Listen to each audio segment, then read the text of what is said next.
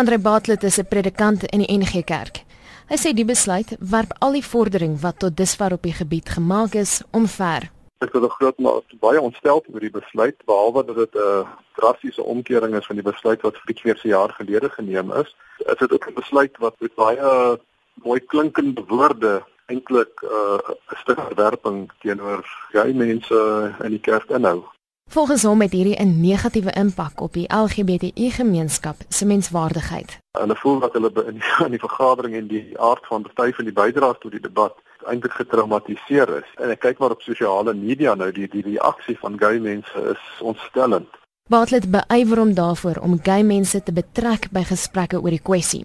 Hy sê al stories gehoor wat sy hare laat rys het. Ons het eenslag met 'n proses wat ons besig was met 'n groep gay mense gesprek gehad en die een persoon in die woorde wat my bybly het gesê as pyn in kilometers gemeet kan word sou ons 'n pad om die aarde kon bou wat nooit einde kry nie. Dit het my geruk en, en daar's geweldig baie sulke verhale en dit is verwekkend. Die kerk praat altyd en sê maar ons aanvaar alle mense, ook gay mense met liefde.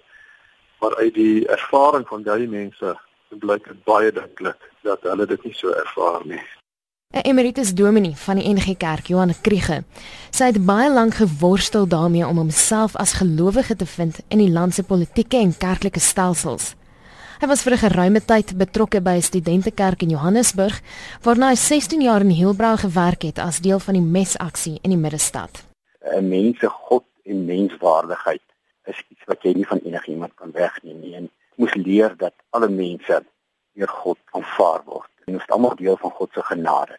So ons moet inklusief dink daaroor. Hy sê hierdie spesifieke onderwerp het uiteenlopende standpunte waarvoor daar nie ruimte gemaak word in die onlangse besluite nie.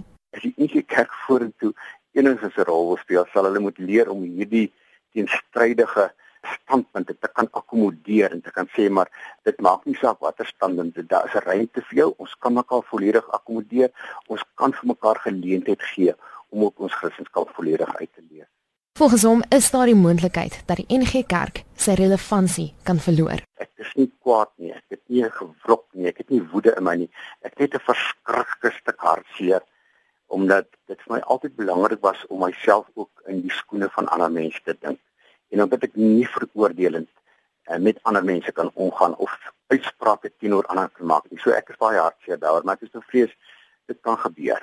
Kry gesê die sinode se besluit skep polarisasie in die kerk, maar dat dit tyd geword het om op te hou baklei.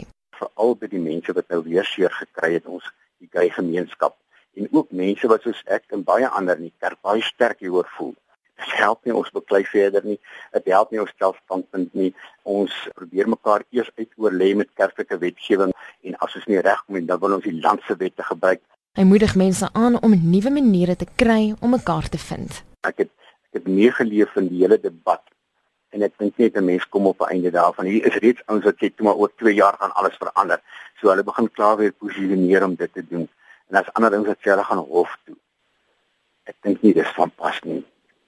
Ek weet nie of dit enigiets vir die saak gaan beteken nie. Dit was 'n emeritus dominee aan die NG Kerk Johan Kriege. Ek is Marlene Verschiefer SAK nuus.